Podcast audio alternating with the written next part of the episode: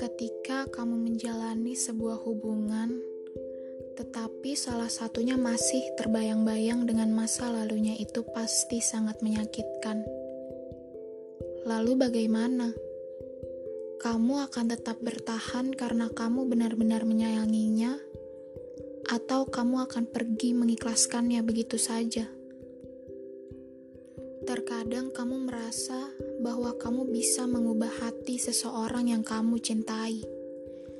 Tak peduli seburuk apa pun orang lain menilainya, kamu akan menutup telinga rapat-rapat dan akan tetap mencoba memperjuangkannya. Melenceng sejenak dari garis orbit, semua itu demi perubahan seseorang yang kamu cintai. Kamu pikir kamu dapat mengubahnya entah dengan cara apa pun agar dia tetap menjadi milikmu seutuhnya. Tentu tanpa bayang-bayang apa pun yang muncul dari masa lalunya. Sebenarnya, dia pernah merasakan sakit yang mungkin tidak pernah kamu rasakan sebelumnya. Dari orang-orang yang pernah ia cintai sebelum kamu datang, entah itu kekasih hatinya atau bahkan seseorang yang tak bisa ia raih hatinya. Merasa sangat dikecewakan, dan dia takut jika nantinya dia akan kembali tersakiti lagi. Mengetahui itu semua, kamu datang ke dalam hidupnya dan bertekad untuk menjadi yang terbaik untuknya.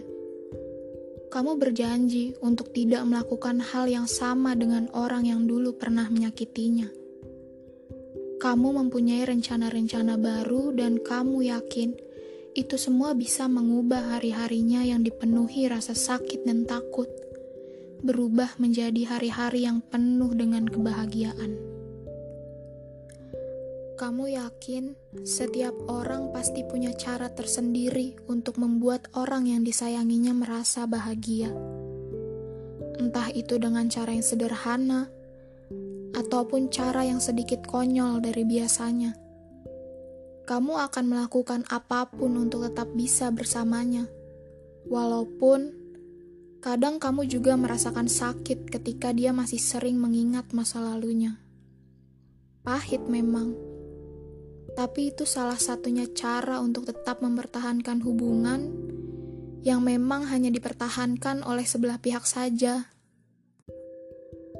hingga kamu berada di satu kondisi begitu mencintai, kemudian tersakiti pada saat yang sama dan dari orang yang sama. Awalnya kamu berpikir bisa mengubahnya dengan mudah. Kamu ingin menjadi obat sakit hatinya itu dengan ketulusan yang kamu punya. Ternyata tidak. Kamu malah terperangkap dalam hubungan yang tidak sehat dengannya Usaha yang selama ini kamu pikir dapat berjalan dengan mulus, ternyata tidak dengannya. Sebenarnya dia tidak membutuhkan obat yang kamu tawarkan. Dia tidak ingin menghapus masa lalunya dan mencoba untuk memulai sesuatu yang baru denganmu. Dia takut tidak bisa membahagiakanmu seperti yang lainnya. Dan tiba saatnya kamu memutuskan untuk pergi dari hidupnya, mencoba mengikhlaskan semua yang pernah kamu perjuangkan untuknya, dan membiarkannya bahagia bersama dengan orang lain yang akan dia cintai setelah kamu pergi. Di dalam lubuk hati yang terdalam, sebenarnya kamu terlalu sulit untuk melepaskan. Tetapi jika memang keberadaanmu di hidupnya tak diharapkan, Lalu untuk apa kamu bertahan? Untuk kamu semua yang mungkin harus merelakan seseorang, jangan pernah merasakan sebuah penyesalan. Karena dengan melakukan itu semua, setidaknya kamu pernah menjadi salah satu bagian yang pernah mencoba untuk membahagiakan orang yang kamu cintai. Walaupun keberadaanmu mungkin juga tidak pernah dihargai. Sekarang juga pasti kamu sudah mulai muak dengan keadaan. Tapi kamu harus yakin, Tuhan pasti akan memberikan skenario yang Ia tahu pasti kamu bisa melewati itu semua.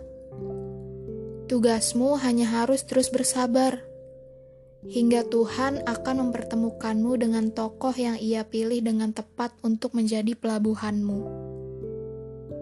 Cobalah sedikit lebih sabar. Sebentar lagi, kamu pasti menemukan orang yang akan menghargai semua usahamu dan pasti akan membahagiakanmu. Dia yang tidak akan pernah menyia-nyiakanmu. Karena sebenarnya sebuah kesabaran itu sangat indah tanpa pernah kamu sadari selama ini. Tetap bersabar ya, karena sebuah garis tidak akan pernah melenceng dari apa yang telah ditentukan untuk pemiliknya.